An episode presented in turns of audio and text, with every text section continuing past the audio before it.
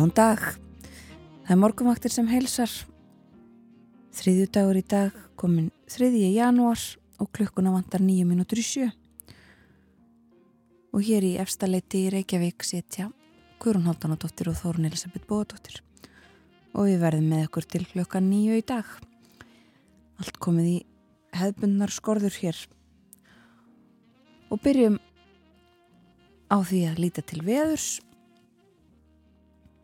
sjá hvernig veðir að það á okkur klukkan 6 í morgun. Og þá er kannski fyrst að nefna að það eru í gildi viðvaranir. Í morgunsárið það er falla úr gildi eh, klukkan 8 á Östurlandi og klukkan 9 á Östfjörðum en þar er eh, söðaustan stormur og snjókoma eða regning var viðvörunin og eh, all hvas vindur og regning á Östfjörðum og þannig var það. Að við skulum byrja á Östurlandi í dag. Það var 60 híti á skjaldþingstöðum klukkan 6, 25 metrar á sekundu og mesta kviða 38 metrar. Á eilstöðum var 60 eh, híti sem er leiðis lítilsáttar regning og suðaustan 15 metrar á sekundu. 5 steg að hiti á höfni Hortnafyrði 12 metrar á sekundu þar, 3 steg að hiti á Kvískerjum og 2 steg að hiti á Kirkjubæaklustri, hægur vindur. Einstegsíti á Stórhauða í Vestmannegjum og 13 metrar á sekundu þar klukkan 6. En aftur á móti einstegs frost í Árnesi, vestan 5 metrar á sekundu þar. Skíjaði Reykjavík, 1 gráðu frost og 4 metrar á sekundu klukkan 6 í morgun. Líka 1 gráðu frost á Kvanneri og hægur vindur. Þryggjastega frost í Stikisholmi, skíjað og sunnan 2 metrar á sekundu. Einstegs frost á Patricksfyrði og hitti við frostmark bæði í Bólungavík og Littlu Ávík og á Hólmavík klukkan 6 í morgun. Hægur vindur þar 1 metri á sekundu. Sömuleiðis við frostmark eh, á Blöndósi. Tvekkistega hitti á Söðanisvita, þar var lokn klukkan 6 og á Akureyri lítilsáttar slitta, einstiks hitti og 3 metrar á sekundu. Líka hiti á Húsavík og á Rauvarhöfn, tveggja og þryggjastega hiti þar klukkan 6 í morgun. Og uh, kaldast á landinu á hverjaföllum og veiðvatnarhaunni, fimmstega frost þar. Það hefur svona hlínað töluvert uh, á landinu. En það fyrir að kólna aftur og það er söðustan kvassviðri á Östurlandi og ryggning eða snjókoma. En annars mun hægari vindur og jél og það snýst í söðvestan og vestan 5-10 metra á sekundu í dag og það stittir upp viðast hvar og það er fyrrkólnandi og frosti verður 1-10 stygg síðdeis. En á morgun er spáð breytilegri átt 3-10 metrar og lítið sátt að snjó koma austan til en annars bjart með köplum en stöku jælvis við vestuströndina og frosti verður 1-12 stygg. Og það er ófært á fjardarheiði og vaskarði eistra og það er snjór og krabi og hálka víða á Östurlandi og það er flughalt á upp hér að svegi en þæfingur í breyðdal og það er bara um allt land hálka, snjór og bara svona erfið færð á mörgu stöðum. Já, það er óhætt að segja það. Það er eh, um allt land hálka á vegum eh, og snjóþekja mjög viða og áfram já gildir það að, fólk sem hyggur á ferðarlög þarf að skoða vel eh, hvaða vegir eru færir og hvernig ástand þeirra er. En eh, aðeins að dagskrá morgunvaktarinnar í dag við ætlum að fjalla um eh, efnahagsmál. Þorðusnær Júlísson verði með okkur upp úr klukkan halv åtta og fjallar um þau ímislegt á segði þar Berlínarspjallir og sínum stað eftir morgunfréttinnar klukkan átta, stjórnmál í Þískalandi meðal þess sem við ætlum að ræða við Artur Björgum Bodlason sem er í, Reykjavík en ekki Berlín, verður með okkur hér í, í hljóðstofu 6 í efstaletti og svo ætlum við að tala um íslensku kjenslu fyrir útlendinga. Já, Gíja Svavastóttir, uh, frangatastjóri Tinnfaktori eða Dósavæsmiðunar hún kemur hinga til okkar upp úr halv nýju. Já og auðvitað fylgjast við með fréttum og veðrinu, eh, spilum einhverja tónlist, eh, allt sem fyrir segir eh, með hefðbundnum hætti á morgunvaktinni og byrjum á að heyra eitt lag. Já, er það ekki bara vel við hæfi að hlýða á Ennio Morricone Visit to the Cinema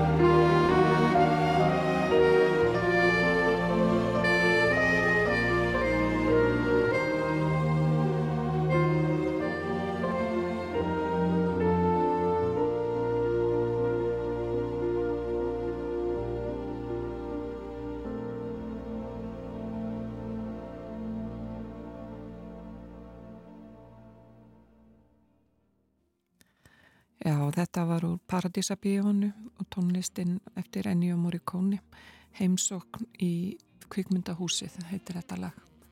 En það líður að fréttum hjá okkur og við komum hér svo aftur eftir fréttir klukka 7.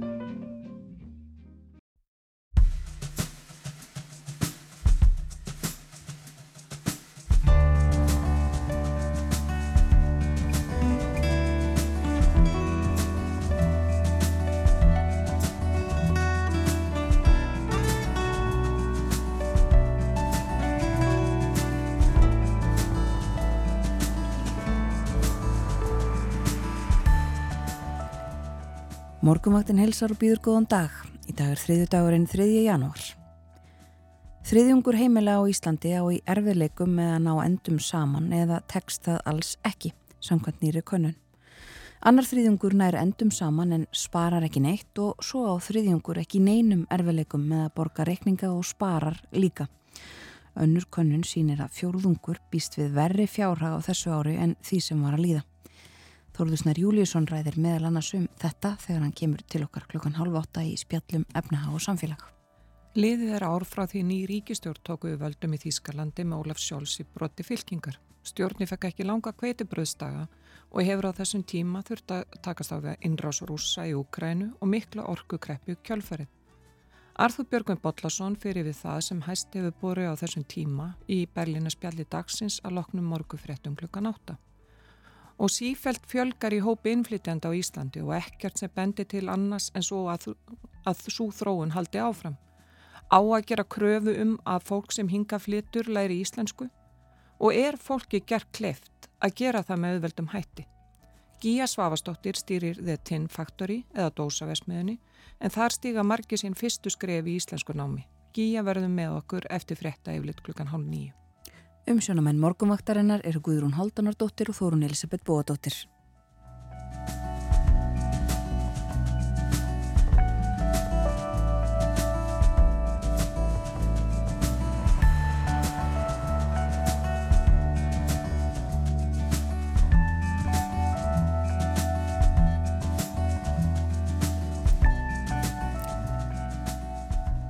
Það hefur hlínað á landinu, svo litil hiti, eh, sérstaklega á Östurlandi, en eh, það er skamvind, það kólnar á nýji dag.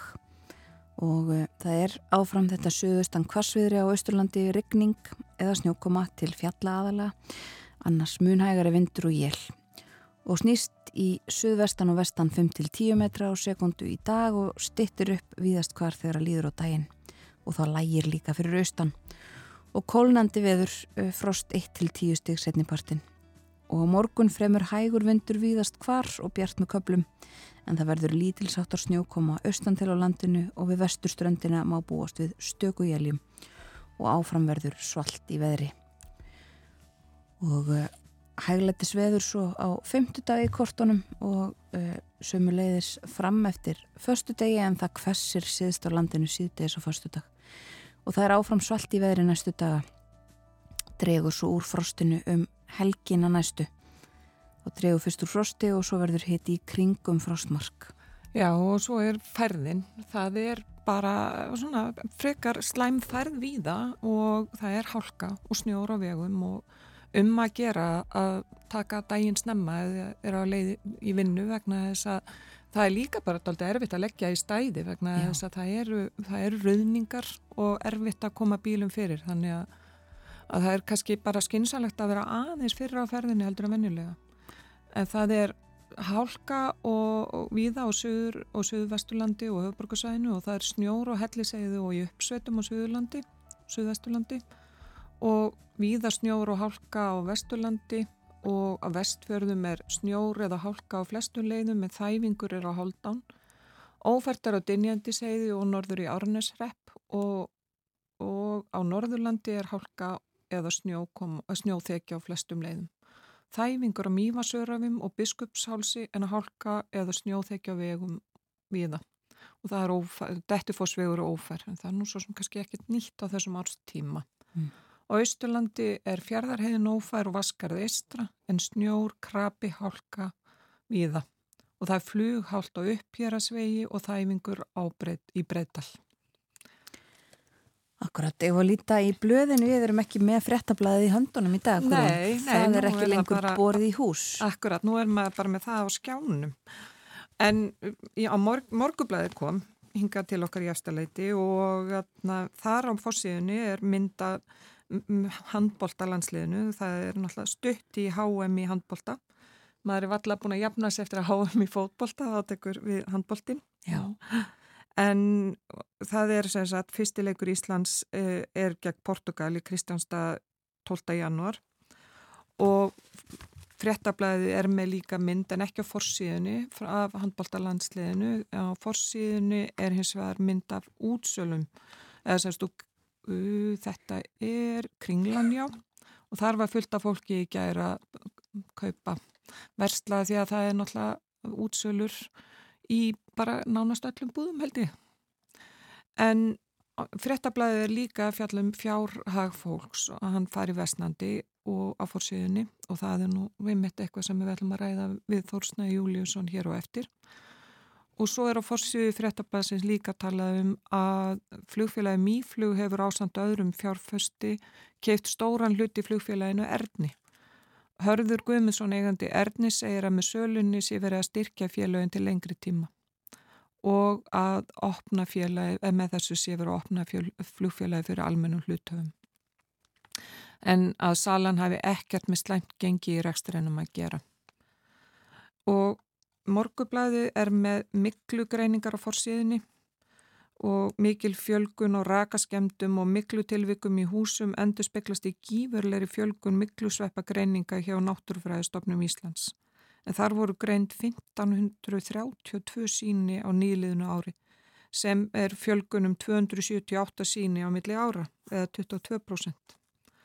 Og það var líka fjallað um þessa miklu miklu miklu í, á vísi í gær og á bylgjunni en mikla hefur komið upp í um 30 grunn og leikskólum í Reykjavík. Þannig að er, þetta er bara viðvarandi ástand.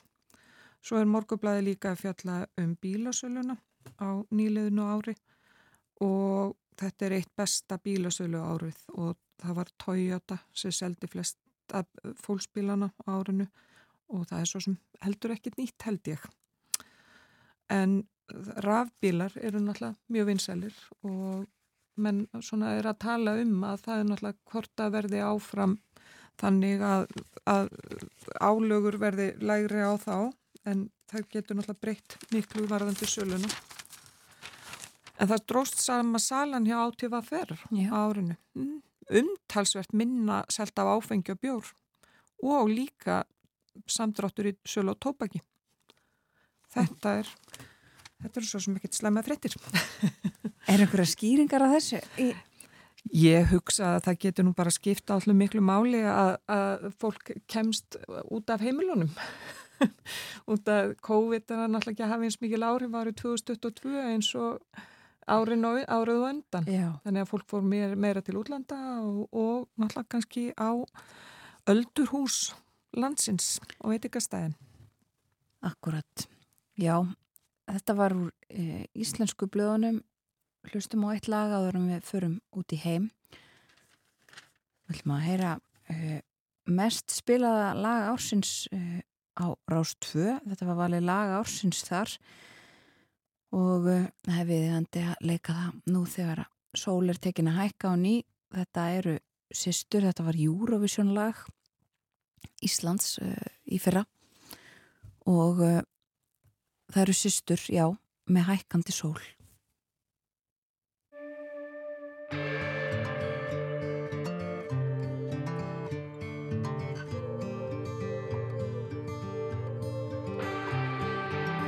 Öldur óti hljóður sá. Þrautin þungum vafinn sorgar sárum Þrá sem lagar, brennur sem bá Liggur í leiði, leiðindar mann, þeir, þeir. Ljósar skiptum þær að sjá, fegur því frelsir sem þokast nær. Þó nætur hún mig skelli á og sögð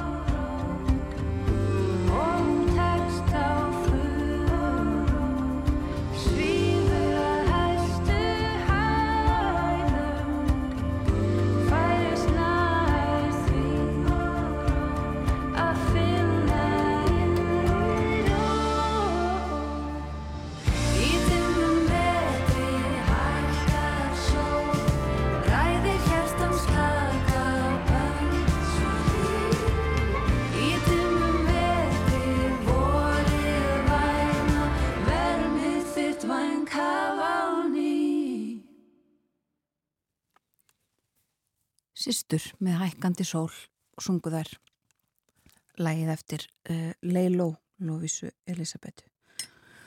Og við litum í íslensku blöðun hér áðan áður en að við likum þetta lag og förum nú aðeins út í heim. Og uh, við byrjum í Úkrænu í dag. Uh, umfjöllunum það uh, sem ég með hér fyrir fram mig á Breska ríkisúttarpinu Uh, haft eftir uh, Volodymyr Selenski Úkrænu fórseta að hann hafi fengið upplýsingar sem að bendi til þess að uh, stjórnvöld í Rúslandi ætli að halda áfram dróna árásum hafi orðið sér út um og séu að nota eins og hefur nú komið fram dróna frá Íran um, og að það sé ætlunin að halda áfram dróna árásum um lengri tíma til þess að reyna að uh, skemma, uh, eiðilegja uh, já, móralin hjá úkrænumönnum til þess að reyna að draga úr þeim kraft og kjark. Selenski talaði um þetta í sínu daglega ávarpi, það er að þreita úkrænu með þessu. Við verðum að tryggja og við munum gera allt til þess að tryggja að þetta markmið þessara hriðjverkamanna uh, takist ekki frekar en nokkur önnur saðan. Það er tími til þess að allir sem að koma að uh, vernd uh, og því að verja, verja lofthelgina þurfi að fylgjast sérstaklega vel með. Og þessum dróna árásum virðist hafa farið fjölgandi undarfartan daga og það tekur á uh, ukrænska heyrin að verjast þessu uh, að fylgjast með og stöðva þessa dróna. En það hefur gengið uh, betur og ágætlega. Selenski segir að uh, það hafi 8-10 drónar verið skotnir niður uh, á þessum fyrstu dögum ársins. Og uh, rúsnesk stjórnvöld hafa viðkjent að eh, 63 hermenn hafi látist í árás úkrænumanna eh, í borg sem að rússar stjórna í Donetsk keraði en úkrænumenn halda því fram að eh, 400 hafi eh, látist í þessari árás. En sem sagt eh, stjórnvöld í Moskú hafa viðkjent að hún hafi átt sér stað og það hafi eh, hermenn rúsneskir látist og það er uh, sjálfgeft, það gerist ekki ofta að uh, stjórnvöld í Kreml viðkenni það. Nei, einmitt, það er akkurat, að, ja, yfirleitt er þetta, það er aldrei neitt mannfall. Nei, akkurat, en uh, það er svo að þetta er mesti fjöldi sem að, mesti fjöldi döðsvalda sem að stjórnvöld í Moskvu hafa viðkent síðan að þeir, þau hófu þetta stríð fyrir tíu mánuðum síðan. En þetta er meðal þeirra fjölmörgu frétta sem eru frá Úkrænu og Rúslandi um, þessa dana förum þá til uh, förum þá annað. Förum til uh, Danmerkur kíkjum á fórsíðunar þar. Uh, það er fórsíðan á informasjón sem við lítum á núna. Þar er Lís Nörgård minnst. Hún er látin viðalega áhrifamikill höfundur í Danmörsku og uh, falleg portrétt myndafinn á fórsíðunni og fyrirsögnin það svo að hún síndi konur eins og þeir hafðu aldrei verið síndar áður og barðist fyrir uh, ja, þeirra stað, þeirra plássi, þeirra tilveru í rauninni. Og hennar er minnst í dönskum fjölmjölum víða. Og hún varð 105 ára gömul En lítum til eh, annara fjölmila á Norðurlöndunum. Það er eh, umfjöllunum um eh, ferðarþjónustu og, og málefni fallara í aftenpóstun í Noregi. Þetta eru uh, hlutir sem við konumst við hér, ekki engungu uh, vandamál hér. Mynd af ungun dreng 18 ára gömlum sem að uh, notast við hjólustól og er, var kerður heim til sín þegar það átt að kera eitthvað allt annað. Þetta er, já, sem fyrir sér uh, kunnulegt sem að við uh, uh, kunnulegt úr frettum hér á Íslandi líka. Og það er umfyllir um það í dagins nýhetjar í Svíþjóð um uh, kröfur Tyrkja uh, sem að þeir halda til streitu til þess að hleypa svíum inn í uh, allansafsbandalæð, inn í NATO. Þetta er áfram uh, umfyllunarefni og svíjarnir segja nei til við því að beigja sig uh, beigja sig undir kröfur Tyrkja segir hér í fórsíðu fyrirsögninni á dagins nýhettir í dag.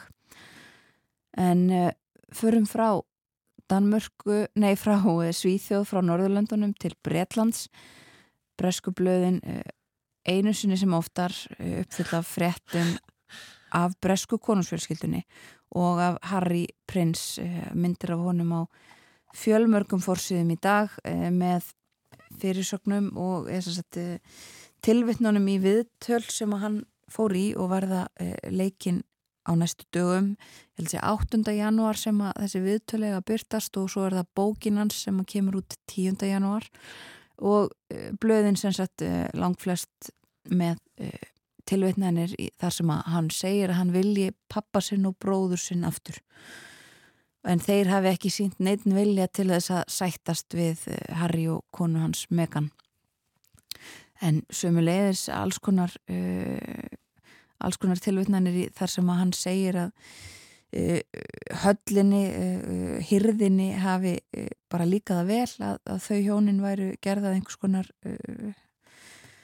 já þau séu svona sökudólgarnir í þessu máli öllu saman þessum deilum við hirðina en það er ekkit láta því að þau sem sagt tjáu sig og ekki heldur því að bresku blöðin hafi áhuga á því sem þau hafa að segja. Nei, þetta er búið að vera alveg bara, var ekki þáttaröð og Netflix Jú. og svo voru þau náttúrulega opru, opru Winfrey eitthvað um henni fyrra minni mig. Jú, akkurat.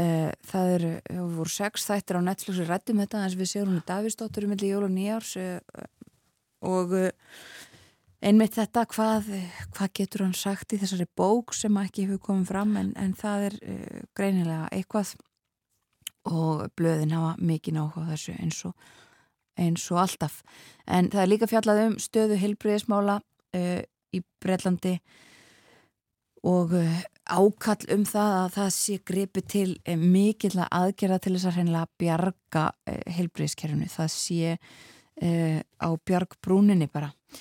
Og við höfum auðvitað sagt frettir og heyrt frettir af þessum málum bara erfiðu ástandi og sagt frá því fyrir nokkrum dögum að það sé bara hreinlega fjöldi fólk sem að deyr á uh, hverjum degi í Breitlandi vegna þess að uh, það fær ekki helbriðstjónustu við hæfi. Og svo hefur þetta bæðst við uh, verkföll bæði hjá sjúkraflutningamönnum og hjúgrunafræðingum og talandum verkvöld, við heyrðum það einmitt áðan líka uh, um verkvöld uh, í lestakerfunum í Breitlandi og það talaði um þessi efnahagsmál uh, tala við Financial Times talar við hagfræðinga.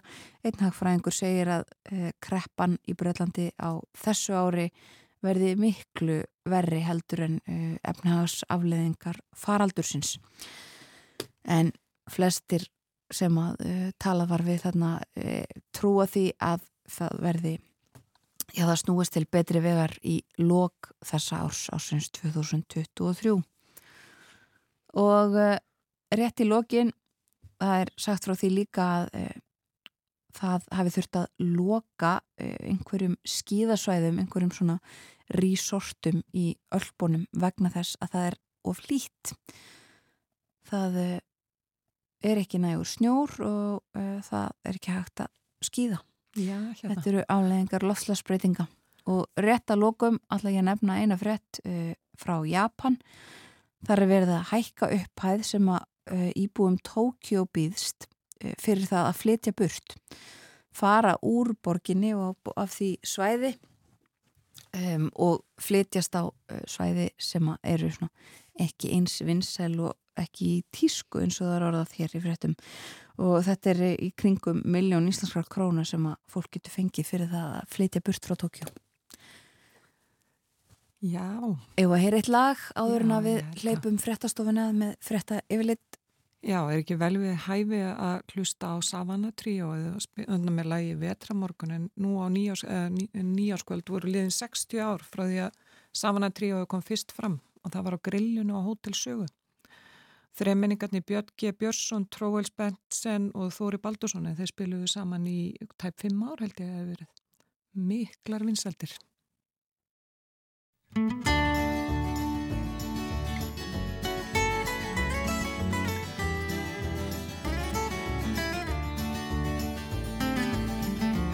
Vetrar morgun hérna er ég.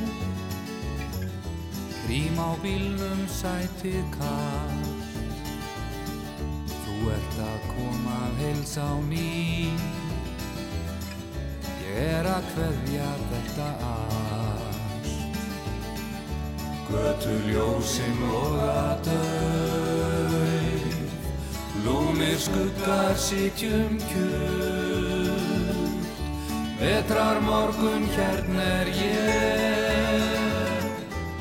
Og hef mig á börn Ég ætla að byrja annað líf.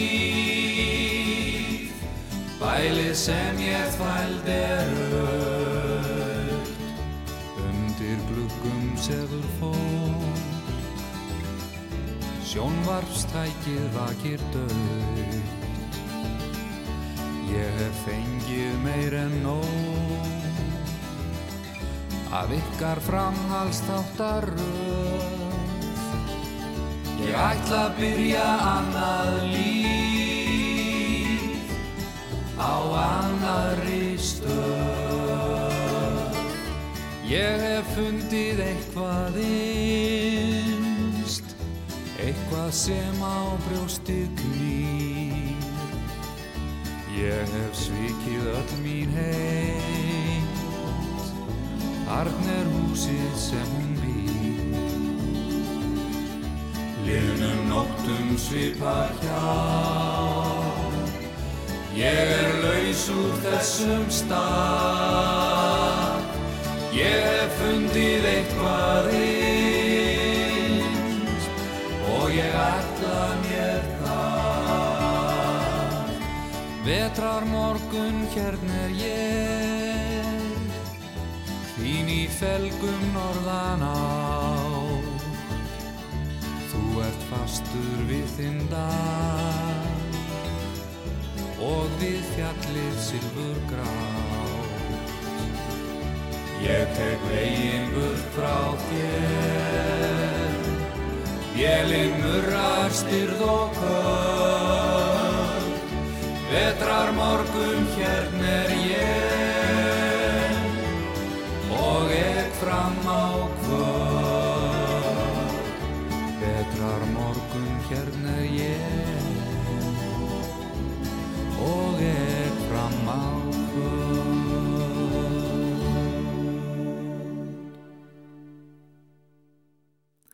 Þetta var vetramorgun með Savana Tríónu.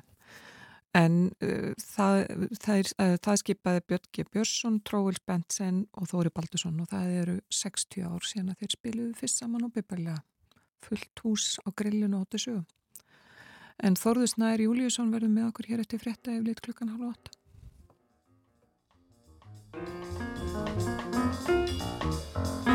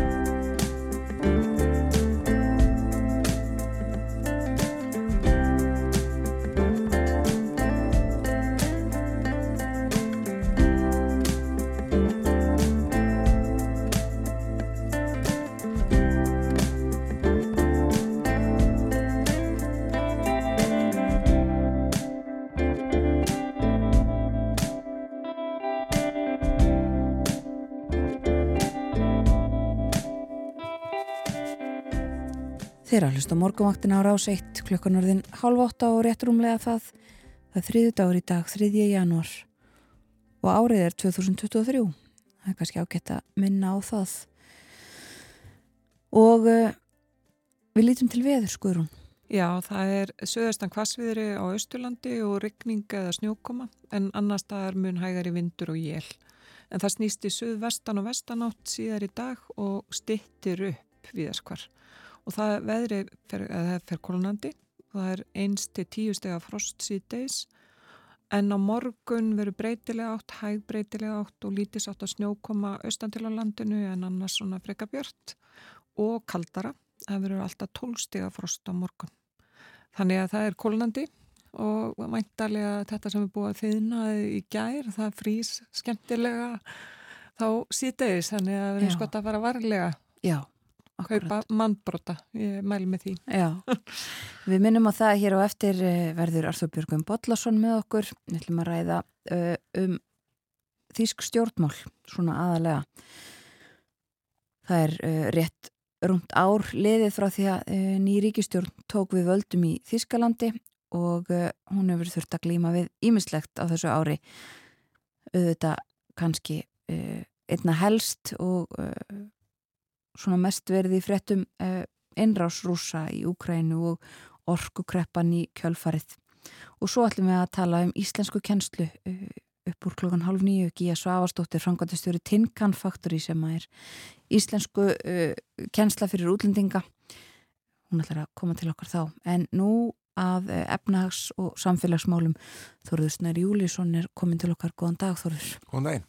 Við ætlum að fara yfir ímislegt, við ætlum að byrja á fréttum sem að bárust millir jóla og nýjárs uh, af eh, eignarhaldi á sjávorútvegsfyrirtæki. Uh, já, það hefur verið þróuninn á undanföldum árum að uh, það hefur verið tölvið samþjöppun í sjávorútvegi, það er að segja veiði heimildir og, og útgerðar fyrirtæki hafa verið að að sapnast á færri hendur eða svona uppárlega færri hendur og svo er þetta eitthvað sem hafa verið skráð á markað og verða þar að leiðin drifðið regnaraldi uh, og uh, svo hefur þetta verið að eiga sér stað líka tilfærsla á melli kynsluða mm -hmm. og núna á melli jólun í ást 29. desember og svo 30. desember bárust uh, tvær tilkynningar um, um slíka þróun fyrst uh, 29. desember þegar greint var frá því að, að Baldvin Þorsteinsson, sonur Þorsteins Más Baldvinssonar eins stopnanda og áður aðaleganda samherja samstæðunar hefði keift uh, það sem hétt samherji Holds, uh, erlenda útger sem heyrðundi samherja Holding mm -hmm. sem var svona erlenda starfseminn hjá samherja og held líka auðvitað hlutin í Eimskip Eimskipsluturum verður ráfram í eigu e, Þorsteins og Helgu fyrirvændi eikonu hans og Kristjáns Viljamssonar að uppstöðu en e, Erlenda útgerðin sem var metin á 55 miljardar í síðasta byrta ásretting í samarjólding hún var seld til Baldvins Þorsteinssonar og þar með er e, þorranum af útgerðar starfsemi samherja búið að færa það á milli kynsluða vegna þess að áður hafði eignar hluturinn í samherja HF sem er innlenda starfsemin og starfsemin í færium og, og annars líkt. Það hefur verið fært yfir eh, á börn annars vegar Tóstins Más og Helgu hins vegar börn Kristjáns og, og eiginkona hans. Mm -hmm. Þannig að hérna eh, þarna erum að ræða þetta Eh, tilfæslu upp á já, að minnstakosti vel á annað hundra miljardar króna allt í allt þegar þetta er talið saman það fer eftir hvernig maður bók hverjir virði kvóta e, sem eru auðvitað frekar flókið vegna þess að það er ekki markaður svona skráður markaður með kvóta en að maður með að við síðustu gerðu viðskiptu og annað slíkt þá er þetta auðvitað gríðali tíðindi já. og e, Samherji Holding er auðvitað það félag sem meðal annars helt á Namibíu starfsemi samirja samstæðunar sem hefur verið til rannsóknar bæði í Namibí og hér á Íslandi fyrir vegna grunnsum myndar mútugriðslur og peningaþvætti og skattasniðgöngu. Akkurat, já. Þessi tilkynning barst þarna 2009. Uh, það var ekki og hefur ekki verið greint frá því hvernig þessum uh, kaupum var hátað eða eh, neinar tölur nefndar í því sammingi er það nokkuð? Nei, nei, ef það er hort á hvernig fyrirkomulagi var þegar tilfæslan var á hlutum í samherja HF þá það stað annars vegar með uh, er fyrirfragleitum arfi argreislum og svo hins vegar hérna uh, með því að því er veriðist bara raunverulega seljendaláni mm -hmm. sem er síðan greitt tilbaka einhver tíma en það er ekki tallikur ekkit fyrir hvernig það er með, með þetta, það er ekki tilgreint í tilkynningunum sem byrtist á vef samherja og það er ekkit verið skjálað hjá fyrirtækisskráð þar um Nei. en við komumst vantalega til bots í því með tíð og tíma Já, og svo kom önnur tilkynning uh, degi síðar um önnur sjárótesfyrirtæki. Já, við höfum myndið að séð það, það gerast hérna á, á, á undafötnum árum og sérstaklega kannski svona á síðast ári og við sáum hérna þetta sildavislun að kaupa vísi í Grindavík uh, og við sáum hérna breymkaupa uh, eignir upp á miljardakróna frá útgjörarfélagi Reykjavíkur sem er tengt félag uh, og uh, svo sáum við enn eina svona uh, samþjöpununa þegar uh, Ísfélag Vestmanneja og rammi eh, ákvaða saminast undir hatti Ísfélagsins þar sem eigendur, nú er þetta eigendur Ísfélagsins munu eiga stæstan eignarhluta og stemtir á skráningu á markað á því félagi. Eh, þetta eru bæði útgerafélag sem eru á topp tíu yfir eh, þau félag sem held á mestum kvóta afsakið, eins og það var byrt eh, síðasta fiskistofu byrt yfirlitið við það í november 2021 þannig að þarna eru þetta um, um mikla samþjöpun að ræða.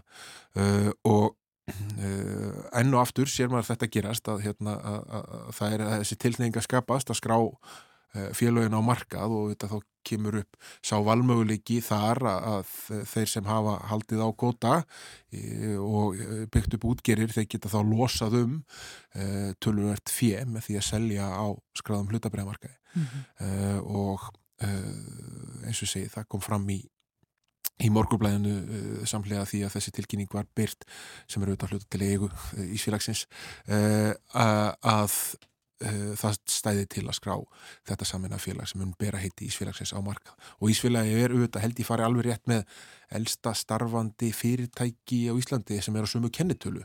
Ég held að það sé þannig. Já, akkurat. Já, þetta var um sjávarötusfyrirtæki vendingar þar lók síðasta árs. Og við ætlum að færa okkur yfir í uh, fjárhag almennings. Það sagt frá því á fórsíðun og fréttablaðin í dag að fjárháur fólks versni uh, samkvæmt nýri könnun hlutfall uh, fólk sem á raut með að ná endum saman hækkar og önnur könnun fyrir nokkrun dögum uh, síndi svipað. Hún síndi að þriðjungur heimilega landsins ætti í mm, erfileikum með eða bara gæti alls ekki náðu endum saman. Já, þá ert að vísa í, í konun maskínu sem greint var frá uh, í fyrirtum uh, stöðutöðbylgjunar og vísist núna melli uh, jól og nýjars mm -hmm. og uh, það raunurlega kom fram að það virtist verið eins og þjóðan skipti svona daldi í þrend. Það er að segja að það er einn hópur sem hefur það bara nokkuð gott og, hérna, og á afgangum hver áramót og getur lagt, nefnum á mánamót fyrir ekki, getur lagt fyrir sparnað, svo ertu með uh, annan rétturumlega þriðung sem hérna uh, svona, þú veist, er ekki að leggja mikið fyrir en hérna næra að láta enda ná saman. Og svo er þriðungur sem næra ekki endum saman og er jafnvel að ganga á sparnað eða að sapna skuldum. Já. og við sjáum uh, þess merki líka í bara þeim hagvísum sem eru byrtir, hagvísum seglabankastildamis þegar við horfum á yfirdráttalán uh, þá jöku heimil landsins yfirdráttalán sín á fyrstu tíu mánuðu síðast árum 4,1 miljard og til þess að setja það í eitthvað svona samhengi þá var heildar yfirdráttalána staðan þá eh, rétt tæplega 12 miljardar uh, og þetta er mesta hækkun sem eru átt í stað innan árs uh, þess að á þessum tíu mánuðum frá 2012 Þannig að uh, fólk hefur ekki verið að keira upp yfirdráttin sinn með sama hraða eða jafnmiklu magni frá 2012. Uh, eh, og raunar hefur, uh, svona, hefur staðan verið þannig flest árin á undan að fólk hefur frekar verið að greiða niður yfirdrátt og skuldir sem er aflegging af kaupmáturreikningu sem hefur átt sér stað hérna vegna ímissa aðstæðana. Ég er að verið lækkaðir skattar sem hafa fylgja krónum í, í, í vasanum hjá fólki eða mörgu fólki og hérna og svo þetta alls konar aðgýr sem var gripið til hérna í koronaviru faraldrinum, lágir vextir og, og, og alls konar önnu tilfæsla á fjármunum e, í vasa ímissa hópa sem gera það verkum að staða þeirra til þess að greiðanu skuldir varð um tíma e, mjög fín.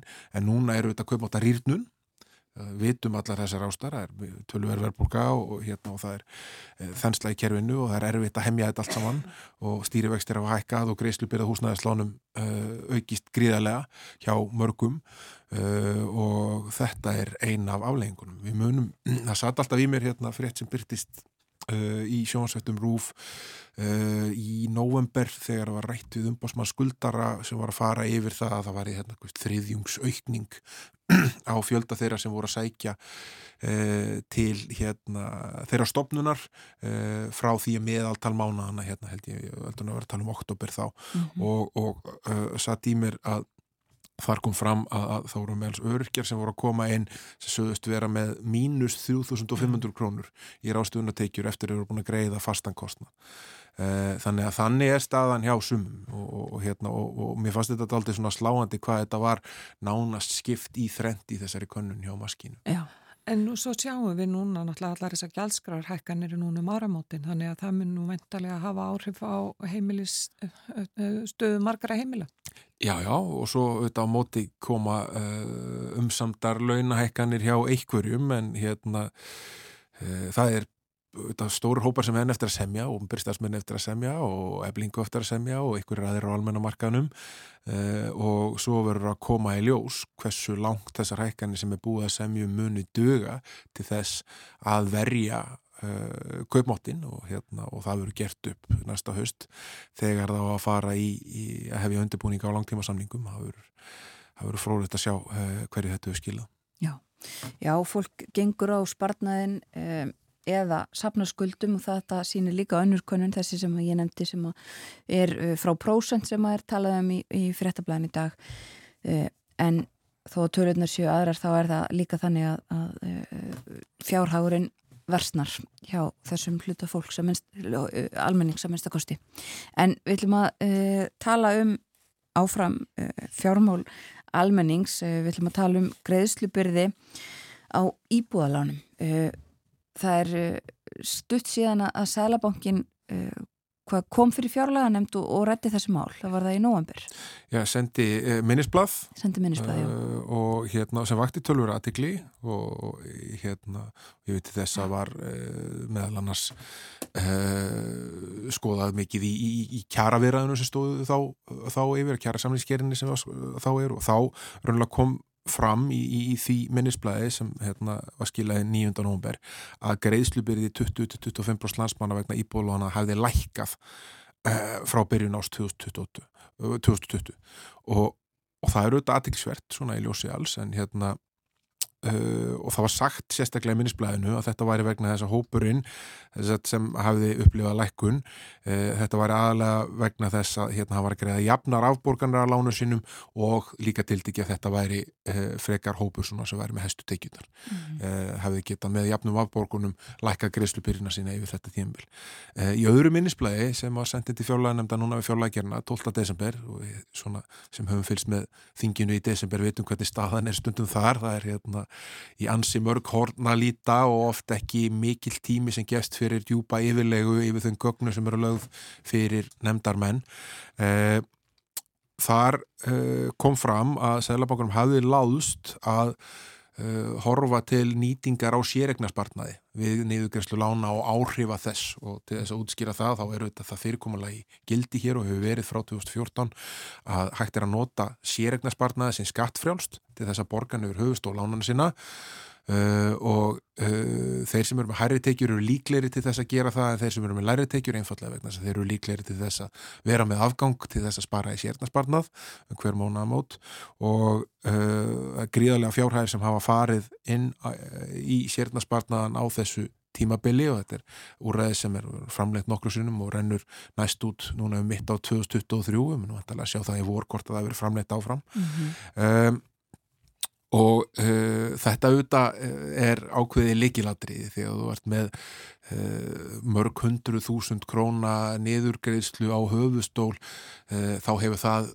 auðvitað og eðlilega á, áhrif á það hvað greiðslubyrðin er og þar er auðvitað fólk að nota sinn eigin spartnað sem það er að taka út núna vissulega gegn skattfrelsi og fá þá meðgjöf frá ríkinu, frekar hann að taka út þegar það er orðið eldra mm -hmm. eh, og það hérna segir sig eiginlega alveg sjálft að það auðvitað getur verið ráðandi uh, faktor í því að greiðslubyrðið þessa hóps hafi lækað mm. uh, eins og Sælabankin sagði þarna í nógumber. Og þetta bara glemtist? Já, þetta verist að hafa glemst. Það er, það er orðað þannig í setna minnisblæðinu að Sælabankin hafi láðust að, að, hérna, að taka tillit til uh, nýtingu sérna spartnaðar þegar hann var að fara í þessa tölur. Já.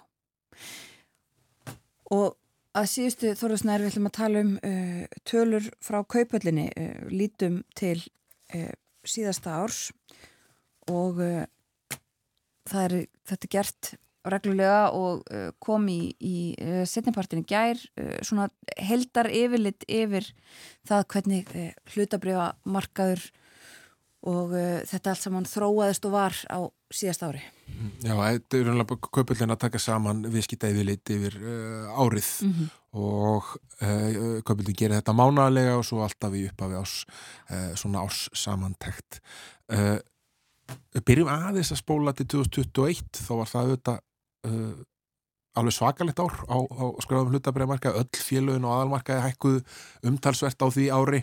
Uh, Arjónbanki sem hækkaði mest tvöfaldæðist í virði Já. á einu ári. Uh, til urðu á pappir alveg gríðarleir fjármunir. Uh, og uh, staðan svona í fyrra hún varð ja, var tölvett öðruvísi.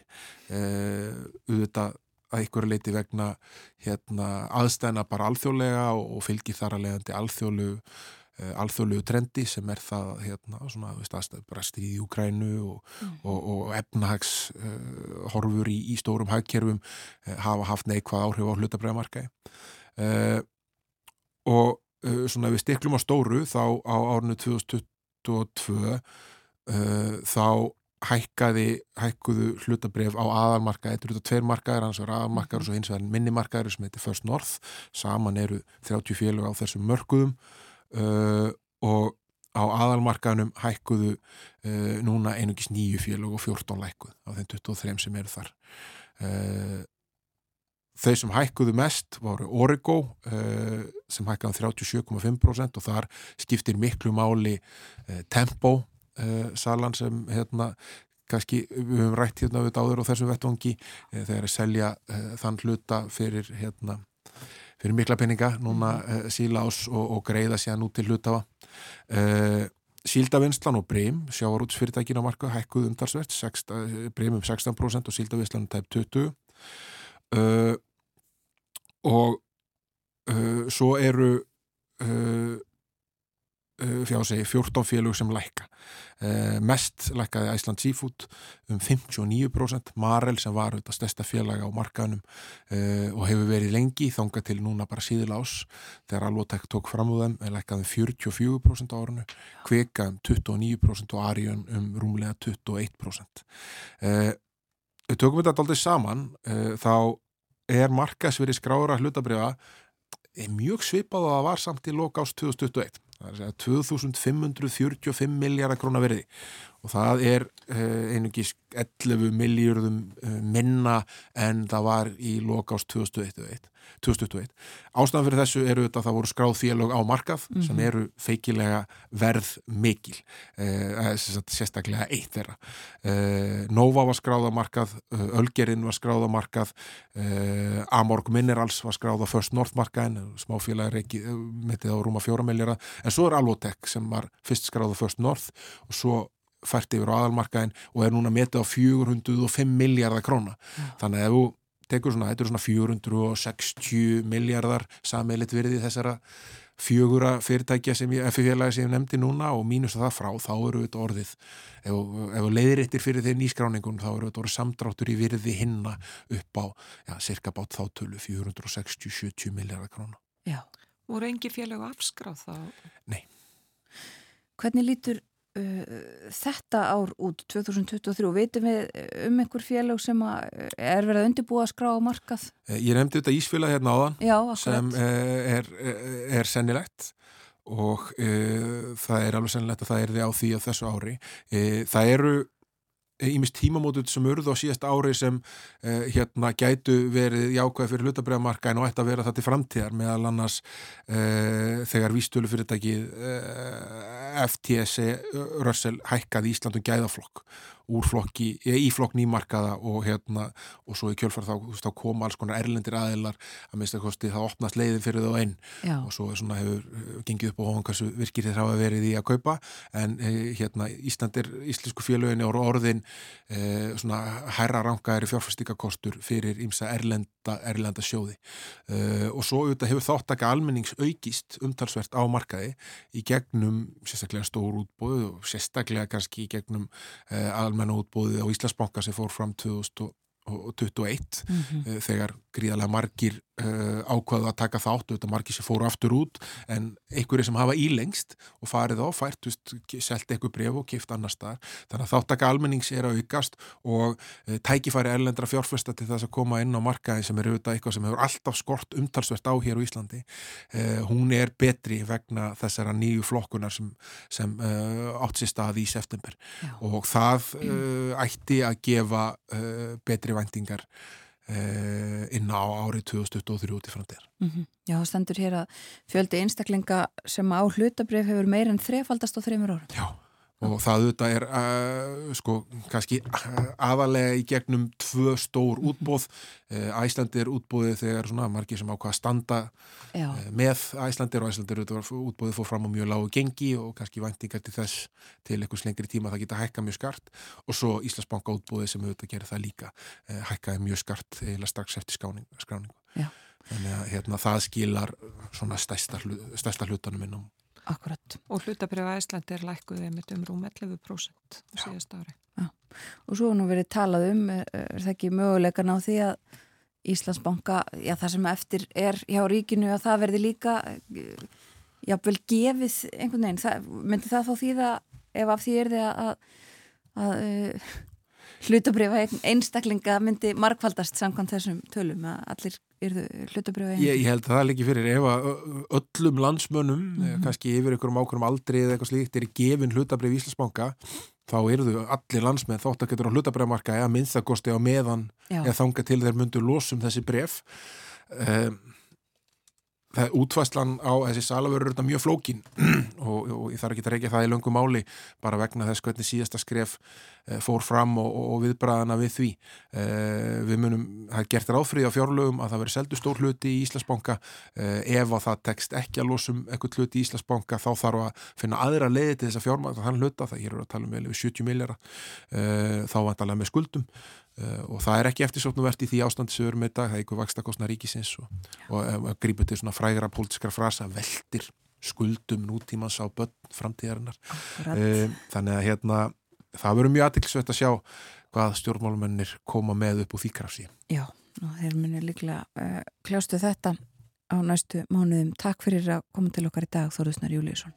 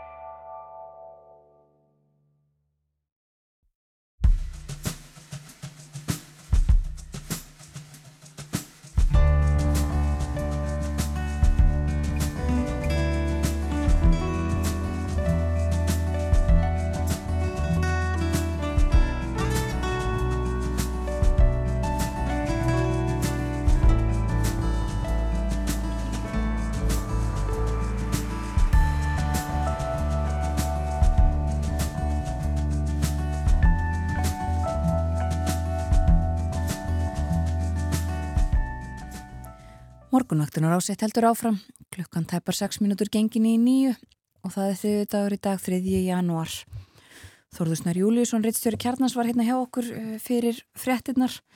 Við réttum um ymmislegt, fórum yfir uh, tölur frá kaupöllinni árið 2022, hvernig uh, kaupum og, og sölu á hlutabrjöfum var hátað í fyrra og það voru fjögur félög skráð á þessa tvo markaði sem að eru starfrektir hér og þeir, uh, þessi nýju fyrirtæki valda því að, að það er ekki mikil lækkun milli ára en uh, þessi ár 2021 og 2022 eiginlega samt er svo svart og hvít mörg fyrirtæki sem að lækkuðu töluvert og uh, árið erfitt víða og það verður þetta sitt að segja að efnahags aðstæður á alþjóðavísu eru miklu verri heldur en þær voru.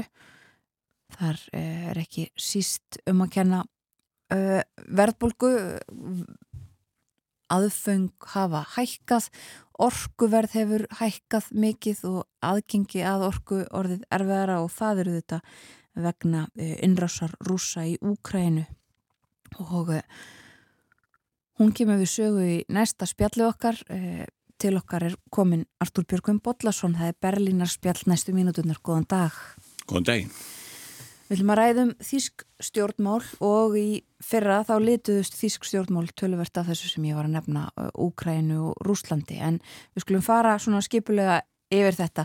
Hvað það er rétt rúmt ár frá því að nýríkistjórn tók við völdum í Þýskalandi, ekki satt? Jú, 8. desember 2021 tók ríkistjórn Ólaf Scholz við völdum í Ískarandi og þetta er fyrsta bræðingstjórnin úr þessum þremur flokkum eh, sem hefur setið við völdi í Ískarandi, það er að segja jafnaðamenn, græningar og frálsýttdemokrater og uh, það horfður nú, eða blíðast nú bara billega fyrir þeim í, byrj, í svona upphafi því að uh, það var svona freka bjart yfir fólki og þeir ætlaði að takast á við þau vandamál sem fyrir lágu að, að festu. Og uh, yfirskrift nýja stjórnarsáttmálans var fortskritt vagun, það er að segja skulum þóra að standa fyrir framförum en svo þarna í 24. februara þá breyttist ekki bara ástandið í Fískalandi, heldur jú ástandið í Evrópa aldrei eins og margótt hefur komið fram þegar að rússar réðust eða herr Pútins réðust inn í Ukrænu og þá voru þessir sælilegu kveitibröstagar Físku ríkistóðanar eða bara búnir í bíli því að allt í unni þurftu þessi þýrflokkar að takast á við gríðarlegan vanda. E, efnahags eða sem sagt Evropasambandið eins og allir vita um, refsæði rúsum e, með viðskipta þingunum fyrir þessa innrás. Og uh, það var mikið samstæða með Ukraínumönnum og það allir því eins og marg oft hefur komið fram að, að rússar skrúðu smámsami fyrir gasið til þjóðverja og Evrópusambansins við leitt. Og þjóðverðir voru mjög háðir rúsnaka gasinu. Uppöndur helmingur af allir orku í landinu kom úr þessum pípum frá Rúslandi til Þískarlands þannig að það stemdi mikinn voða. Og eh, eitt af því sem þessi ágæta ríkistjórn var þá að takast á við var það að ná í orku í staðin fyrir gasi sem ekki flætti lengur frá Rúslandi og eh, viðskipta og umhverfisráþæri í nýjustjórninni er Robert Habeck sem er einn af fórustumönnum græningi og hann fekk það vann, það gláta hlutverk að fara að rápa um heiminn og með betlistaf má segja og óska eftir því að, að, að fólk þjóðurna selduðin gas. Og það út af fyrir sig var þetta kannski alltilega innan Evrópu en þegar að Robert Habeck var farin að, að fljúa til Katar og annars líkra ríka sem ekki er nú hátt skrifið í mannutindamálum til dæmis að það fóru kállan gamanir og það sem meira er, hann var náttúrulega uh, betlandi um gas í þessum landum en, en græningar eins og allir vita eru búinir að lýsa því yfir að, að uh, það er að hraða því að hætta nota jarðefni í orku og það er að fara að taka upp græna orkugjafa. Þannig að þetta var ekki þakklátt hlutverk og það var heldur ekki þakklátt hlutverk fyrir Habeck sem er varakanslari að þurfa að eiga við styrjöld sem að þjóðverjar uh, af þessu flæktust ekki beinlinni í því. Það var jú yfirlí stefna Scholz frá upphafi að þjóðverjar eru ekki eins og það heitir aðilar að styrjöldinni heldur myndur styrja úkræðinu menn eftir mætti og einan marka. Og uh, það var alltaf mjög uh, erfið stund fyrir Habeck uh, sem að er eins og þessi fórustum af græninga og það má aldrei gleyma því að græningar eru sprottnur upp úr fríðarhefingunni og að maður sem að stýri flokki sem er sprottnur upp úr fríðarhefingunni skuli allt í þunni þurfa að fara að stýra því hvaða vopn eru send til stríðandi aðila í Evrópu. Eh, það er ekki, var ekki er hlutverk. Og hann sem sagt fekk mikla ofan í gjöf hjá sínum flokksbræðrum og sýstrum vegna þess að hann stutti það að þjóðverðar myndi senda úkrænumörnum svona þungavopn, það er að segja skriðdregga og eitthvað þýnlitt og, og svo leiðis vopn og, og hérna ekki bara eins og, eins og varlamórar á þeirra þjóðverða gerði upphafið var nú maður gerði nú gísa því þegar hún lísti því verið að þjóðverða alltaf stíða úkrænska herrin með því að senda þeim hjálma 5.000 hjálma. Mm. bandaríkjumenn hlóðu mikið af þessu því að þeir voru náttúrulega fæður að senda vopn og alls konar þunga vopn og hvað en þeir vilju bara senda hjálma.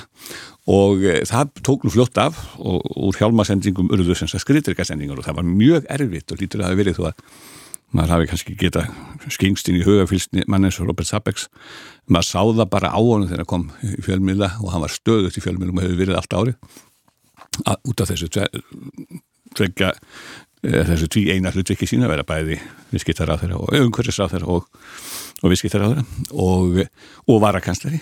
Þannig að það var ekki lett verk fyrir hann. Og frá því að þetta byrjaði svo var annar, annar Lena Berbok utryggistaður, hún þurfti náttúrulega að vera að fara svæti líka og áræðanlega ekki alltaf takandi hendunar á fólki sem henni var ljúft að taka hendunar á. Mm -hmm. því að hún er náttúrulega líka fórustum með græninga á þessa fríðar friðar sína flokks.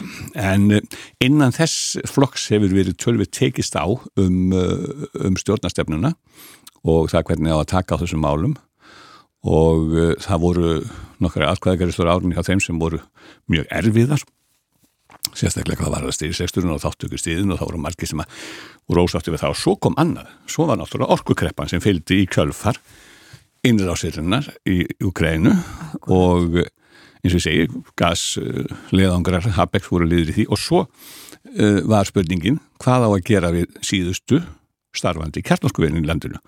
Þá tók nú ekki betra við því að sko, það eru tvær stóður undir græningaflokkum, annars vegar fríðarhefingin og hins vegar anstæðan í kjartnorkuna og sko þetta er alveg hrikalett ár fyrir græningana vegna þess að, að, að hérna, ekki nómið að, að Habeck þurfa að þurfa sem sagt standa í stríði í bóstæðilega mekkingu, heldur þurft hann líka að fara að verja það að kjartnorsku verunum erði ekki lokar eins og tilstóðum áramót.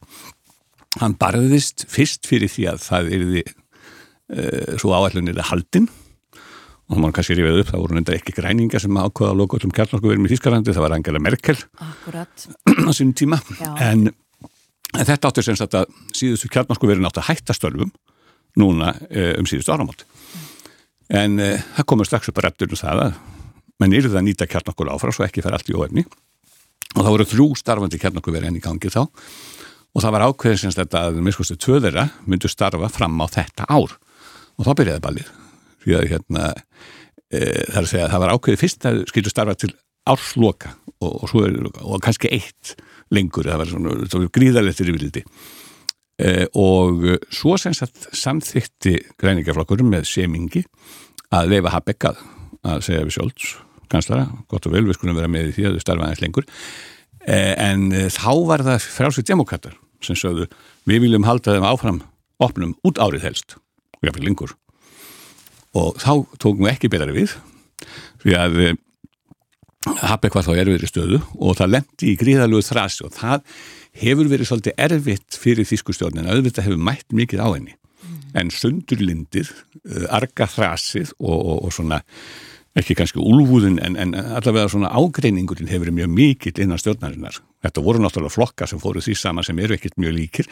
Græningar við afnaðum en stenda svona næri húr öðrum. En uh, frálsveit demokrater er þetta svolítið á skjön. Og þeir hafa verið með múður allan tíma síðan þetta byrjaði. Og það þetta stjórnarsamstarf og það, líka, veld, það veldur líka miklu að þeir hafa verið að tapa í þessum þrennum fylgiskostningum sem voru á árunnu síðasta, þar voru þeir alls þar að missa fylgi. Og greinilegt að flokksmenn frálstæð demokrata voru ekki dánaði með sína menn í sjálfninni og fannst þeim ekki koma nógu miklu fram. Og þá er alltaf aðtöða það að sko, þeir eru það með jafnaðum og græningi sem eru báður svona, skulum við segja, vinstra megin við línuna. En frálsið demokrater eru verulega langt til hægri þeir hafa verið kendir við og svona er að hluta til svona nýfrálsíkjuflokkur mm. og þeir hafa staðið á umsum bremsum til dæmis ekki döðveld fyrir græninga ferla sig við að fara í stjórn með flokki sem að sagði við takmörkum aldrei hámas hraðan á hraðbröðunum, þísku, átóbröðunum sem eru með síðustu vegum í Evrópu held ég það sem getur kist eins þetta og vilt og þessu neini, það kemur ekki til greina vegna þess að, að hérna Lindner formaði þeirra er í nánu sambandi við bílaversmiðunar og bílaframlegundur og það var ekkit launungamál áður en hann settist á stjórn í sæti hjálmáraður þeirra þá var hann í uh, símasambandi komist fjölmiðendin að við fórustum inn í bíleðin en og græningist þetta samþykja það þó að sé alveg vita mála það myndi minga útblástur verulega ef maður fær að keira hægar á þessu hraðbreytum og var ekki alltaf að keira í 180-200 km hraða. En það tóku viðræðina langan tíma, stjórnamynduna viðræðinar? Mjög langan tíma og alltaf ekkert að ganga saman og það var einhverlega vegna þess að frálsið demokrata settu alltaf fram fleiri fyrir kröfur. Þeir vildu sinna sínum umpjóðendum en jafnæðamenn og grænja stóðu nokkur með einn saman. Mm -hmm. Það eru bara tvær blokkir. En hvað er að frétta Angelu Merkel? Mm, hún eh, verðist hafa bara bærilegt það er hún lítið hestafinni svona e, síðustu e, mánuðina en e, hún hefur bersinlega alltaf að draga sig út úr sviðsljósun en svo voru hún að koma við tölviðan í tímaritu núna fyrir jólin eða semst í loka ársins. Og enganlega vildum nú svona vita hvað henni finnist um, um framferði hvað henni að segja fyrir um talbróðu síns Putins í Ukrænum eh, og, og líka það hvað henni finnist um sín stjórnafyrirlega þessu leiti vegna þess að það er ekkit launungamál og, og hefur fjallað mikið um það að, að þjóður hefur voru svolítið blá eigir, gagvart Putin ekki bara það að sjálfs og, og reyndar fleiri fórustum en Evrópi eins og kom mikið fyrir við fréttum sem sátum með honum við þetta langborð sem var náttúrulega lengsta langborð í sögunni þar sem að, ég menn ekki hvað 12-15 metrar á milli, milli tekja mann sem sátum við borðið. Og Sjóls satt við þetta bormiðunum líka og alveg til síðustu stundar var talið að hann myndi ekki þrátt fyrir herablan við landamenn ráðast inn í Ukraínu þannig að og þauður er einfallega voru líka öðru liti, sko annar mál var að þeir voru svo háðir Já. og rúsum um orkuna. Og þetta eftir á náttúrulega hafa með sagt auðvitað átti svona stór yðnaðu þjóðins og þau verður ekki að setja sko öll eplin í sömu skál og vera engung að kaupa orkuður á Rúslandi þá. Óðsmanns æði en, en hver, hvern óraður svona fyrir því að, að, að Vladimir Putin gengi í politískan baddóm, gamli KGB-maður og alltaf þess að fara að endur þessa sovjelríkin, það, það, það var eitthvað sem að, ég vil keisaraveldið, það var eitthvað sem engin maður gætt sagt fyrir um það. Mm. Þannig að En já, eins og þú segir, sko, að því að þjóðverðar hafa svolítið verið að gera þetta upp og svona lítið tilbaka og, og svona, og hvað segir Angela Merkel? Hvað hafa hún að segja þessum viðtölum um þessi mál? hún auðvitað bara af sér höggin og, og taldi sér ekki betra beina ábyrða þessu, en það hefði hún sæði sem var, við gátum ekki séð það fyrir að, að, að þetta myndi gerast. Já. og hún er trúverðu að þessu liti vegna þess að Hún talar náttúrulega mál Pútins, hún talar rúsneskuna, þó svo að á þeirra fundum hafi nú yfirldur tölu þýsku eftir því sem hún var að uppljósta einhvern tíman hann hefði talað meira þýsku en heldur rúsnesku, hann er náttúrulega ágetur þýsku maður. Já, hann bjó lengi náttúrulega í Þýskalandi. Já, hann var njóstnar í Þýskalandi og KGB maður í, í, í hérna sovjasku leinið þjónustunni þannig að hann læriði málið mjög vel mm. og, en hún hefur semst að uh, haldið því fram að þetta hafi ekki beinilist verið henni að kenna og, og það eru auðvitað nokkuð til í því þannig að það voru allir blá eigir af þessu Habeck það nú, hefur nú komið í ljósa þegar maður voru að lifið upp að Habeck var um, svona löngu áður en að Ukraínu stríðið brast, bröst út þá var hann haldandi því fram Robert Habeck að e,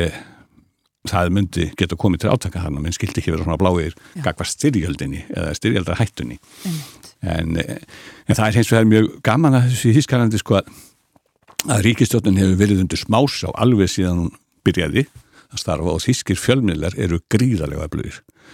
Það þýr ekkert að vera með neina lengind þar, stjórnmálumennir eru teknir á beinið og þeim er ekkert sleft ef þeir eru spurðið spurninga af fólki sem er yfirleitt þekkir eða komið að bassa aldrei og þekkir mjög vel til þessum er að fjallum og að þá, eh, þá þýr ekkert fyrir að fara undan sko. Og það er alveg dásamlegt að fylgja stundum með samtölum uh, fjartamanna við þýska stjórnmálamenn því að þið vitið það stjórnmálamenn allra landa þeir náttúrulega eru þekkti fyrir að fara eins og köttur í kringum heitangur auð Þetta er íslensku fjölmiðlum og öllu fjölmiðlum, þá fara það að svara einhverju öðru heldur en spurstinum, mm -hmm. en þýskir fjölmiðlum sitja það bara sumir hverjir.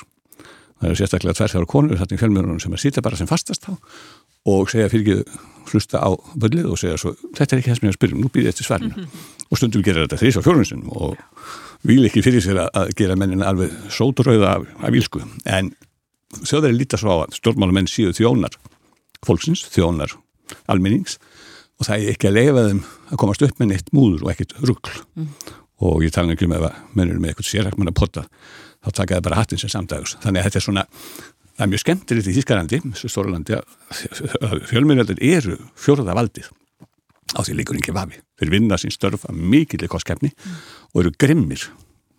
Bara eðlulega grimmir þegar umræðaðu umbjóðundu þjóðarinnar sem eiga sem er bara að haga sér. Og hvernig er þá uh, núna þetta, eftir þetta ár eða svo sem að þessi stjórn hefur setið, uh, hvernig eru fjölmiðlarnir að gera það upp? Þú nefndir þetta áðan, einmitt, sko frjálsið demokrater, uh, þeir fóru illa út úr þessum fylgiskostningum á þessu ári, græning gerðu þetta í miklum vandraðum með mörg af þessum málum og þetta sem þú vorust að fara yfir. Hvernig, svona, hvernig er uppgjörið fyrir árið í þýskum fjölmiðlum? Eða það hefur sko verið viðlóðandi svona fram eftir árinu að menn hafa verið að væna fjölmýra, verið að væna sjóld sem að vera á línan Já. í ymsum málum.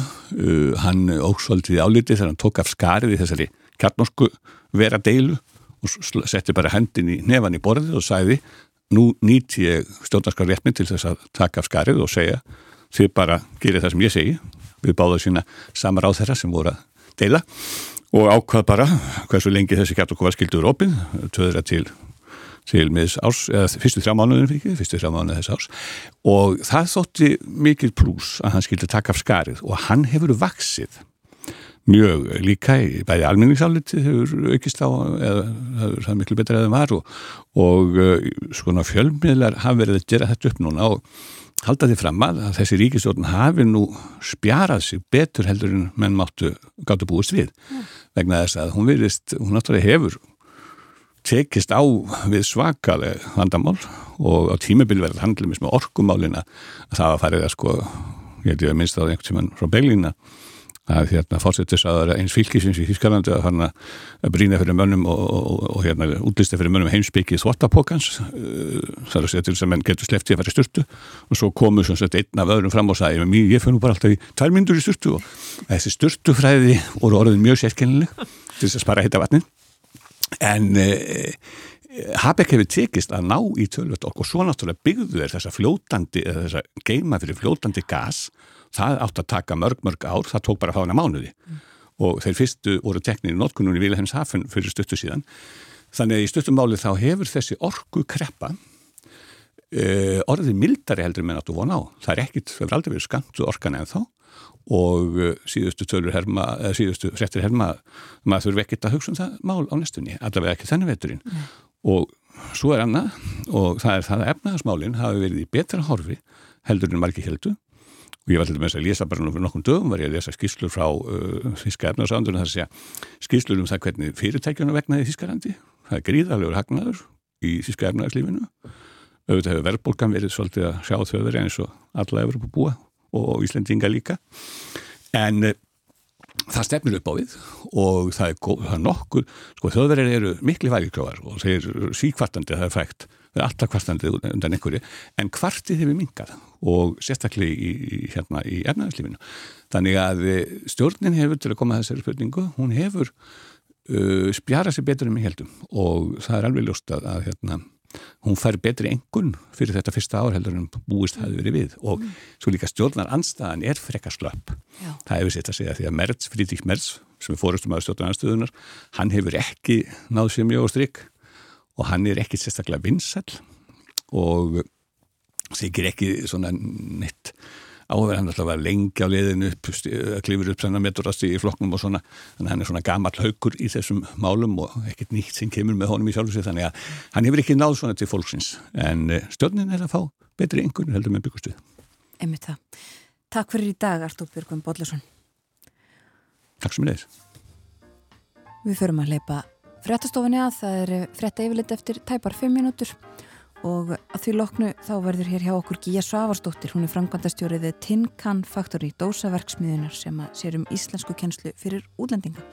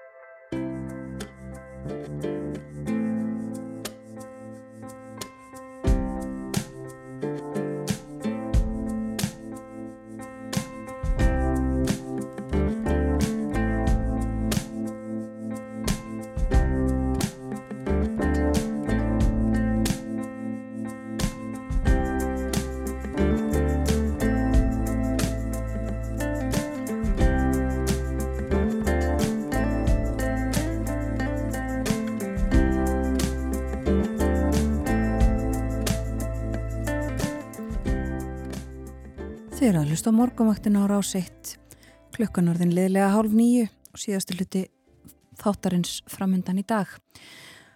Og uh, lítum aðeins til veðurs. Það er söðaustan kvassviðri á Östurlandi og regning eða snjókoma en annars mun hægari vindur og jél. Snýst í söðvestan og vestan 5-10 metra á sekundu í dag og stittir upp víðast hvar. Og það er kólnandi veður frostið 1-10 stig setnipartin í dag. Á morgun má gera ráð fyrir breytilegri átt fremur hægum vindi víðast hvar og bjart með köplum en það verður lítilsáttar snjókoma austan til á landinu og við vesturströndina má búast við stöku jæljum. Áfram verður svalt í veðri. Og uh, það breytist svo lítið hitin næstu daga áfram svalt uh, fram á sunnudag eða lögadag þá fer að draga úr frosti og á sunnudag þá verður hitin í kringum frostmark og uh, svona hæglætis veður víða næstu daga. En uh, ætlum að hlusta á smá tónlist. Heyrum uh, Doors. Þetta lag heitir The Unknown, Unknown Soldier. Wait until the war is over and we're both a little older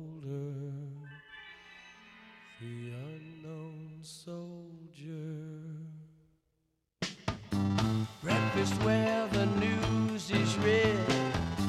Television, children fed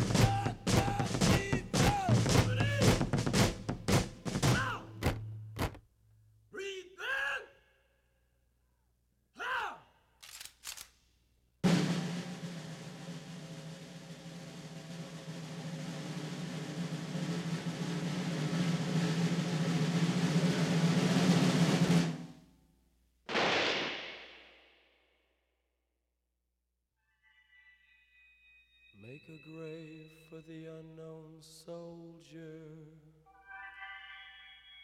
nestled in your hollow shoulder.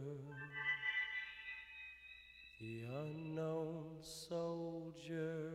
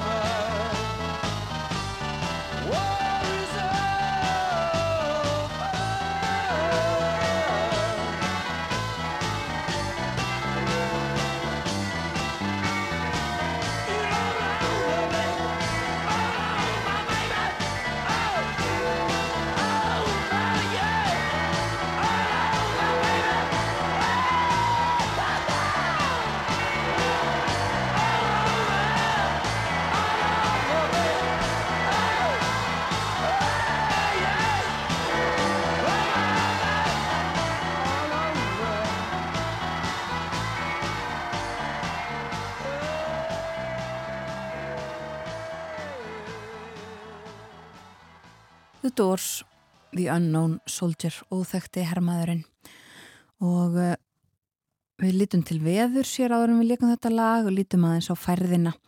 Um, það eru umferðartafir á ringtorkinu við Báhás uh, sem er uh, við Mósulsbæ og Reykjavík. Flutningabíl misti farminn, umferðin á leiðinni til Reykjavíkur frá Mósfellsbæ gengur hægt. Unnið að hreinsun og það er hálka á vegum á höfuborgarsvæðinu. Sumulegis hálka á öllum helstu leiðum á Suðvesturlandi en eitthvað líka um snjóþekju, víða snjóþekja eða hálka á Vesturlandi og eh, á vestfjörðum snjóþekja eða hálka á flestum leiðum þæfingur á Hjallahálsi og ófært á Dinjandisheiði og norður í Árnisrepp.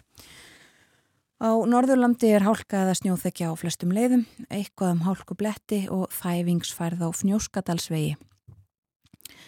Það er þæfingur á fljótsheiði, þungfært á Mývasvegi, norðan Mývas, hálka eða snjóþekja á vegum víða og flughalt á Háregstaðaleiðinu á þjóðvegi 1 á Norðausturlandi og svo er ófært á Dettifossvegi. Líka ófært á Vaskarði Istra, snjóþekja, krapi, hálka víða á Östurlandi og flughalt á upphjeraðsvegi. Sömulegis flughálka á Skeiðarósandi á Suðausturlandi og annars hálka víða vegfarendur beðinir að fara með gát og unnið þeirra hreinsun. Sumuleiðis á Suðurlandi hálka á mörgum leiðum, snjóþekja víða í uppsveitum og þæfingur á útvegum. Og uh, það er áframhaldandi umfjöllunum uh, um uh, færð á vegum víða lokun Reykjanesbrautarinnar á dögunum vegna ófærðar. Hún hefur verið tölverð til umfjöllunar vegagerðin verið gaggrínd og ímislegt sem hefur verið tekið fram í þessari umræðu. Það er fjallega um þessi mál í, í frettablaðin í dag, tala við Þúrdísu Lóðu Þóraldsdóttur fórseta borgarstjórnar í Reykjavík sem að telur að lokun Reykjanesbröytar á dögunum vegna ófærðar gefi meira tilefni en nokkru sinni til að leggjast í gaumgæfilega skoðun á fluglest milli höfuborgarinnar og keflavíku flugallar og hún segir þar að auðvitað sé þessi ákverðun ríkisins að taka en að hún hefur allavega mikinn áhuga á þessu. Hún er líka að spyrja því hvort hún tali sama málu og formaður viðristnar á alþingi um þessi mál og segist ekki hafa hugmynd um það. Hún tali þarna sem eh, fórseti borgarstjórnar áhuga manneskja um atvinnulíf, ferðarþjónustu umhverjusvend. Þetta sé algjörlega eh, eitthvað sem að þurfa að skoða af aukinni dýft og ákjafð með aukna áherslu á almenningssamgöngur í huga. Og þetta mál er líka rætt við Jóhannes Þór Skúlason, frangotustjóra samtaka ferðarþjónustunar. Hann segir þessi hugmyndir algjörlega þessi virði að ræðana frekar. Það eru ímsir sem spyrja vegna, hvers vegna þeir komist ekki við komu í Keflavík í Express Lest og eh, segir samt að það er að taka þá umræðu úr samhengi við ófærðar pælingar. Þetta er stærra mál en svo að við hendum upp lest bara því að það varð ófært tvo daga á síðast ári. En lest er þið eflust ákaflega eh, góð viðbót við keflavíkur fljóðl. Það stendur þó allt og fellur með hagkvæmni, segir Jóhannes Þór Skúlason í frettablaðinu í dag. Þau ræða þetta þar eh, bæði eh, Jóhannes Þór og Þórdís Lóa Þórhaldsdóttir. Og Við skulum heyra aðeins meiri tónlist. Þetta eru Bubbi og Múkisson og lægið heitir Þorpið.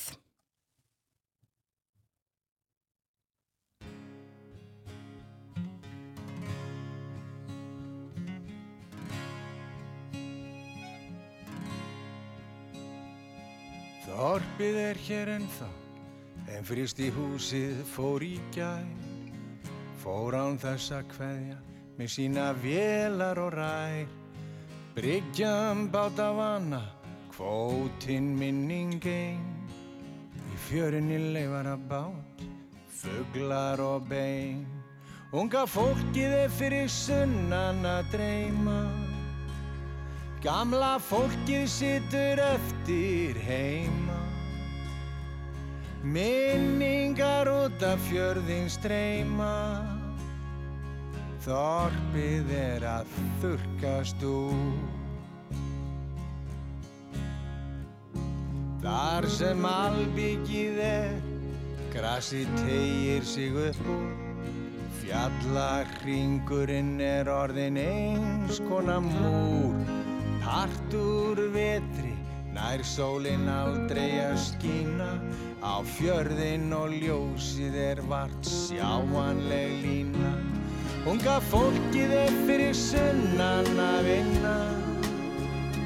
Gamla fólkið varð eftir með nál og tvinna.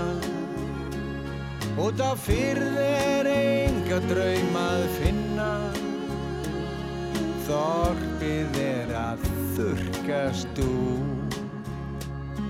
Húsin kosta nokkrar dánar krónur Kannski er hægt að rækt úr þeim feitar jónur Leikskólinn geymir bergmál Rópandi barna sem í borginni segja Ég fættist þarna sem ekkert og hún er komin til okkar, hún Gíja Svavastóttir, frangatastjórið við Tinfkan Factory, eða Dósa Vesmiðunar, velkomin. Takk.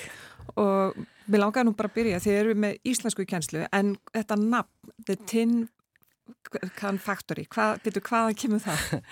Sko, um, uh, þegar við byrjum með skólan að þá byrjum við með hann bara í heimahúsi að því að ég flutti frá Ítali árið 2008, daginn sem að Íslandsbanki hrundi En þegar við fórum svo loksins í húsnæði þá fórum við í húsnæði gamlu dósavestmiðunar í Borgatún 1 og mér varst nafni eitthvað svo skemmtilegt að því að, uh, uh, já og hugmyndin var svona svo að, uh, að, að því að var, þarna voru framleita sko tómardósir að við tækjum bara við því og letum fólk fá svona ímyndaða dós svo færi bara eftir hvað það væri að gera hvað það setti í dósina. Eða elskaði stiga eitt mest eða málfræðina eða læra vestranleitrið þá myndi að lappa út með það í þessari ímyndu tómu dós.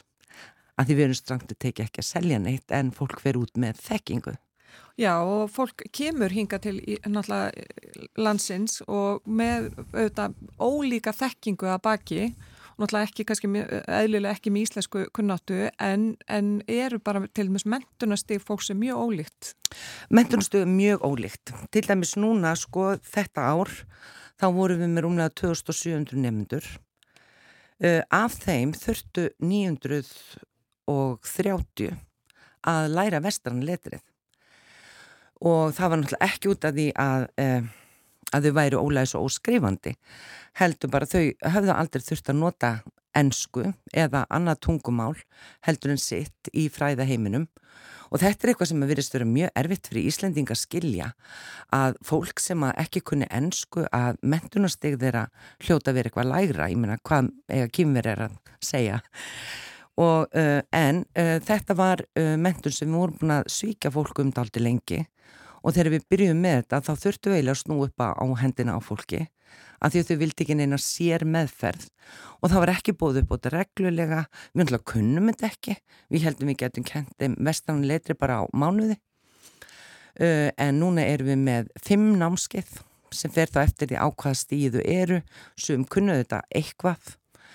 Uh, uh, en svo sagt, komst við líka að því að, að þó svo við sem er mikið bara mjög vel mentuðu fólki frá uh, löndum hérna og þann úr heiminum að þá eru við líka að fá fólk sem er ólæst á sitt eigi tungumál. Og uh, við komum staði, við gátum uh, all, allir gátt orði læsir á íslensku en svo stoppaði bara námið. Og þá tókum við þessi próf sem eru löð fyrir börn í grunnskólum til að kanna þeirra læsi um, á, á móðurmál. Og uh, með því að ráða svo réði ég um, mannsku frá Afganistan sem er kennari og mannsku frá Sýrlandi. Þannig ég bæði með persnesku og arabísku hann inni. Þannig að við getum sagt, látið móðurmælandi meta lestarkunnáttu fólks. Og þá hefur komið í ljóð senst ár þá voru 88 sem þurftu að læra sitt móðumál og þá eru við ekki fann að sinna fólki sem kemur frá Afriku það sem að fólk er búið að vera að flóta frá því er smábönn og hefur bara aldrei haft möguleika á að fara í skóla. Og eru þið þá, þið standi þá frammi fyrir því að þið eru kannski að kenna inn í sömu kennslustofunni fólki sem er bara mjög ólíkum stað þegar kemur að tungumálunámi? Já, við reynilega bara metum fólk vegna þess að það er ekki hægt, engin kennari getur gert það vel. Þannig að við erum búin að vera að þessu núna í, já við byrjum 2012 þegar við fengum fyrsta kvótaflótahópin þar sem að kom í ljós að, uh, að konunar þær kunna ekki vestanletrið og, uh, og voru jável ekki nógu við læsar og sitt eigi tungumál vegna þess að þær hefur aldrei fengið að fara í skóla. Uh, og þá byrjum við að vinna með þetta og svo bara er ég með svo frábæra kennara að þær bara veldu grettistaki hérna og hafa gert mjög mikið námsefna því að það sem náttúrulega stóð líka svolítið í veginu fyrir þetta við erum ekki að kenna Sísi og Lóló.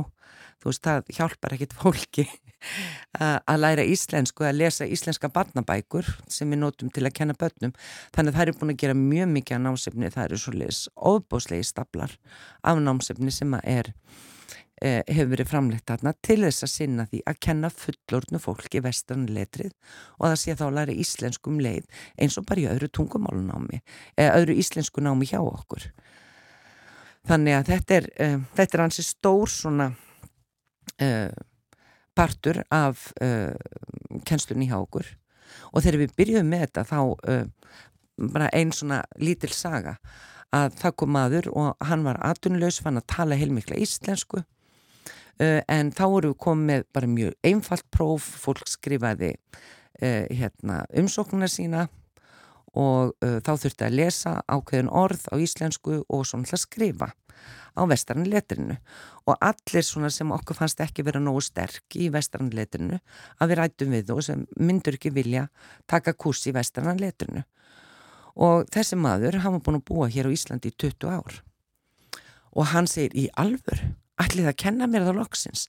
Þá var búið að henda peningum alltaf þegar hann var aðtunlaus þá var hann sendur á íslensku námskeið. Og hann var alltaf sendur á stig eitt. Þannig að það var bæði búið að brjóta manni niður að hann gæti ekki lært þetta tungumál. Uh, og svo voru við ekki að sinna honum rétt. Og hann þykkur þetta með þökkum og kemur svo aftur klukktum að setna og þá með konni sinni sem þurftu sömu þjónustu. Þannig að þetta hefur svona vaksið uh, mjög mikið og, og er mjög þakklátt starf að fá að vinna. Og já, og hvernig er með, með aðtunulífi? Er það að koma til móts við þennan hóp? Fólk sem þarf að náttúrulega eðlilega læra íslenskuna og líka þá um leið ritma? Það er sko, um, hvað var það svona fólk sem að, að hérna... Uh, kann vestranletrið og uh, að við sjáum að fyrirtæki eru í auknum mæli að senda fólk og eins líka að fá inn til sín námskeið. Við erum að sinna tölverti vinnustæðanámskeið, við vorum með 165 nefnendur þar á senst ári. Þannig að það er svona aukast. En nei, því miður að þá uh, er, bara er eins og Íslendingar ger sér ekki grein fyrir því að það sé, að þau séu hugsanlega með fólki vinnu sem getur ekki lesið launaseilin sinn og það er náttúrulega mjög alvarlegt, það er eiginlega mannrindabrót. Hvað getur við gert? Það þarf náttúrulega uh, að auka þetta, það sem við höfum verið að gera hjá uh, dósavesmiðinni að við, þetta hefur verið algjörlega sjálfsbrotti hjá okkur með því að ræða með nefnundur, með því að uh, finna hvað þarf, ráða sérhæft starfsfólk sem getur unni með okkur að því að fólk sem kann ekki vestanleiti, það kann ekki heldur ennsku. Þannig að við höfum engan aðgang aðeins nefnum í gegnum móðumálið og, uh, en þetta höfum við uh, aldrei fengið neina styrki til að gera þannig að þetta hefur verið á okkar kostnað og jáfnvel á sko kostnað kennaraminnan sem að hafa í rauninni unnið helling af sjálfbóðavinnu til þess að gera þetta mögulegt. En að því þú talar um ennskuna, erum við líka að horfa of mikið til ennskunar? Að fólk í rauninni, við fyrstalega ætlum bara til þess að fólk kunni ennsku sem að koma yngað og við kannski tölum bara ennsku við það, við gefum því aldrei möguleika á að, að stauta sig á íslenskunni til að byrja með. Já, og þetta var eitthvað sem að, uh, við vissum þegar við byrjuðum og okkar skóli, við, við kennum bara á íslensku. Það þarf engin að kunna ennsku til að læra íslensku og okkur finnst það mjög mikilvægt. Við erum líka aldrei með uh, ennskumælandi námski, eh, fyrir ennskumælandi, fyrir pólskumælandi, fyrir arbískumælandi. Við erum ekki með þannig námskeið af því við teljum líka mjög mikilvægt að sinna þessum Já, um, í rauninu forvörnum að fólk fá að kynnast fólki af ólíku þjóðirni til þess að vinna að sem mestum jöfnuði í samfélaginu. Vegna að segja fólk hefur aldrei kynst muslima eða aldrei kynst katholika að þá, um, þá hérna e, e, við, bú, býr fólk við staðalmyndir. Þannig við leggjum mjög mikla áslá þetta að við kennum bara á íslensku uh, til að jafna aðstöðu nefndu og líka að því að það virka bara langt best og það er mjög leiðilegt þegar maður fær nefndur sem hafa lemt á ennskumælandi námskeiðum þar sem þau hafa kunnað hvort tungumálið og þau koma og sækja um næsta námskeið hjá okkur og, og tala bland af íslensku og ennsku að því að þau vissu aldrei hvort tungumálið þau voru að læra. Það er merkilegt að við séum sagt, orðin það ennsku skotin að, að okkur finnist bara sjálfsagt að fólk að, að tala ennsku við fólk sem er að setjast í ræð. Já, það er svona tvent sem við sjáum og, hérna, uh, og er svolítið fyndið náttúrulega því við erum að horfa á íslenskan uh, vinnumarkað og því miður daldið svona lagskiptan, þú veist að útlendinga vinna mjög mikið saman þannig við fáum mjög oft fólk sem ekki kunni ennsku þegar kom til landsins en er farið að tala smá ennsku að því hún er nótuð á vinnustanum. Svo fáum við líka fólk frá Asjú sem talar þess að fínu pólsku af því að þau hafa lend á, á vinnustad uh, þar sem að, að hérna, eh, meilhutinu pólverjar og þar er vinnumáli kannski pólska. En það er ekki, það er ekki algengt, þetta er svona meira til skemmtunar. En um, jú, það er, ég held við verðum að fara að setja aðeins bönd á okkur. Og um, og það er bara mjög sorglegt að horfa upp á fólk. Ég hef hort á nefndu mínu sem tala bara fína e, íslensku og eitt sem að uh, vinnur að hagköpu og þar uh, kannski vegna litarafs að þá var byrjað að tala, byrjaði fólk að tala ennsku við mann sem talaði reybrandi íslensku en enga ennsku Þetta eru sem sagt í rauninni bara duldir fordómar, þetta er ekkit annað er það? E, sko þetta er einhver vanþekking svo líka held ég sko Íslingum finnst þið tala svo rosalega góða íslensku og hérna uh, þó, þó að rannsóknir í háskólanum Já, ennsku Já, ennsku segi, já, fyrirgjöðu, ekki íslensku Já, flesti tala nú góða íslensku.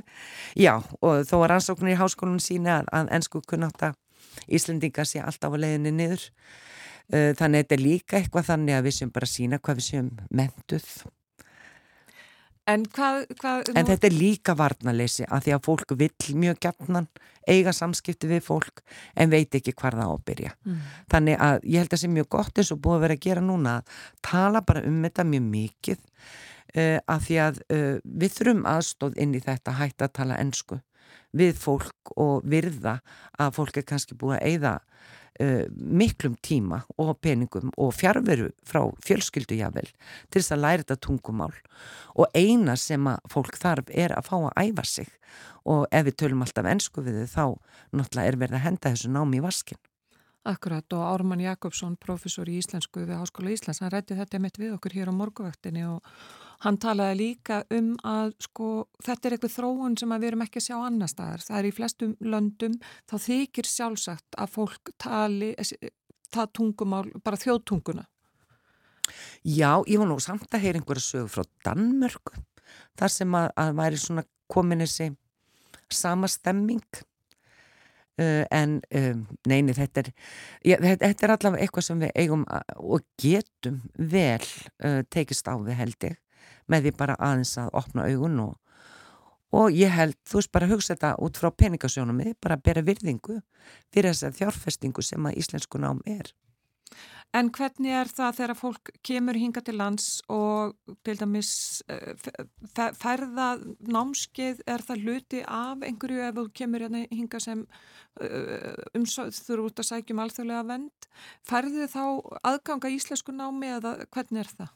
Já, það er náttúrulega bundið í bara alþjóða samninga að fólk sem er á flóta og er að býða hér eftir uh, uh, að, að umsókn þeirra sér tekinn fyrir sem getur tekið allt og langan tíma náttúrulega að uh, það er krafa um að þau séu ákveðni virkni að því við bara lokum ekki fólkinni herbyggi.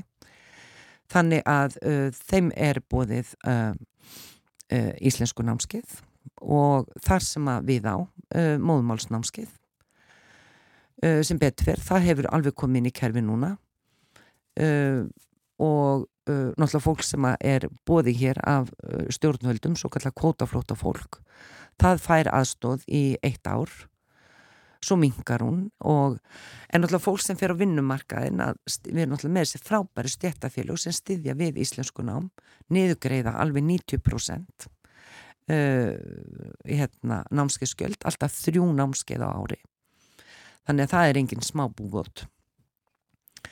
Uh, þannig að uh, en, en það er svo fólk sem stendur út af fólk sem er öryrkjar fólk sem einstæða maður sem komast ekki um, hérna fólk sem að giftist Íslendingum og kemst ekki ná vinnumarkaðin strax. Það hefur engan möguleika á neittni aðstóð við að fara í íslensku nám og þetta er ekki alveg ókepis, því miður. Því miður, já, það er óvægt að segja það. Gíja Svavastóttir, frangata stjóri Dósavesmiðunar, takk kærlega fyrir komin á morguvættina. Takk sem ég leys. Og þá líkur morgunvættinni þennan þriðudags morgunin. Við höfum verið hér frá því fyrir klukkan 7 morgun. Guðrún Holdanadóttir og Þórun Elisabeth Bóadóttir og morgunvættin er á sínum stað, næstu morgna líka. Bjóðum góðan dag þegar klukkunum vantar 10 minnur í sjö, alla virka daga. Þökkum samfélgina í dag. Veriði sæl.